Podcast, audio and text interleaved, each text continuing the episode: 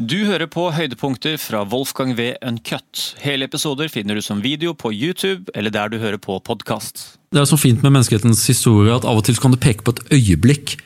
Eh, og jeg peker på et øyeblikk som fant sted i den 6. september i år 2000. Så var så sto internasjonalismen i sitt senhet. Internasjonalismen er en tanke om at verden bør styres i samarbeid, i multilateralt samarbeid, eller enda bedre gjennom internasjonale institusjoner som da gir menneskeheten retning. Eh, og som der beslutninger fattes, og disse da appliseres i global skala.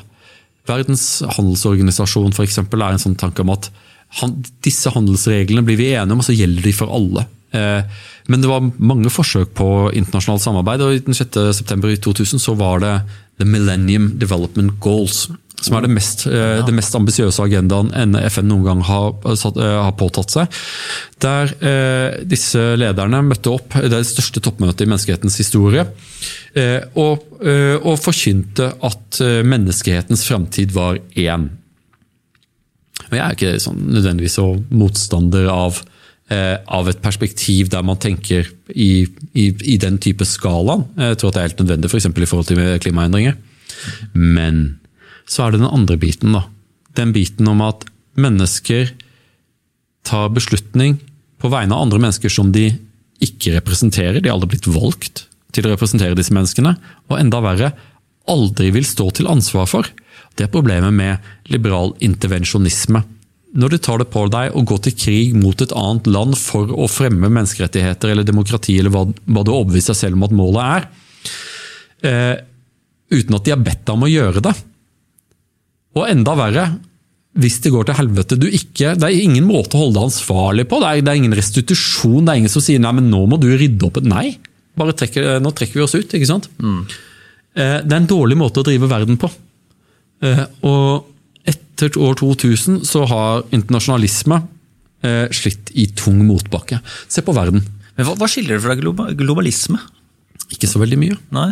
Ikke så veldig mye. Man anerkjenner nasjonen i større grad enn på globalisme? Ja, men, bare, men, men, som, men den, den, dedikerte eh, internasjonalist anser nasjonen for å være et, et, et, et et fenomen som vi skal bort ifra, eh, som kan være formålstjenlig i den grad den legger til rette for deres virkefelt. altså Så lenge den legger til rette for at de kan gjøre det de hadde tenkt å gjøre uansett.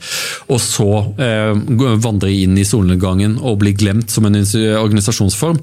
Eh, ja, ikke sant? Da, kan de leve med nasjonalstatene.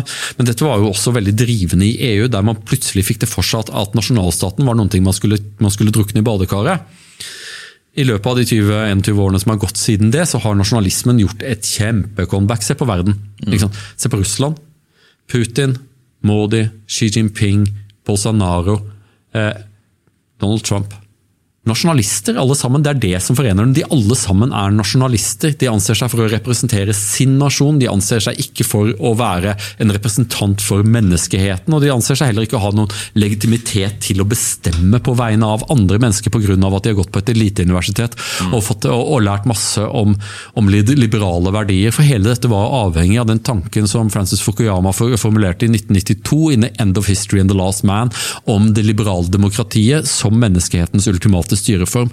Dette ga disse menneskene en, intellektuell legitimitet til å anta at, at vi kommer jo alle sammen til å bli som vestlige land. Så kan vi ikke bare, ta, så, kan vi ikke bare speede opp, liksom, speed opp prosessen litt ja, ja. og bare invadere dem og skifte ut. for det, mm.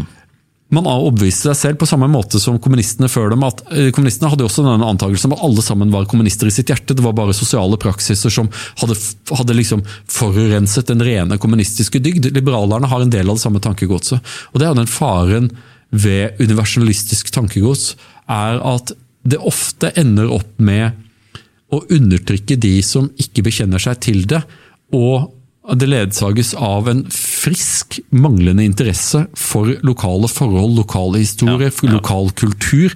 Hvordan man, tilhørighet. Hvordan man faktisk gjør dette. Og jeg er av den oppfatning at alle land er irrasjonelle, for alle land er produkter av sin egen historie, og du kan ikke løpe fra den. og Det hjelper ikke å, å koke opp noen sånne generelle ideologiske læresetninger og tro at det kommer til å trumfe kultur og historie, for det gjør det ikke. og Det er jo det vi har lært så, på en så grassat blodig måte i løpet av de, de to tiårene.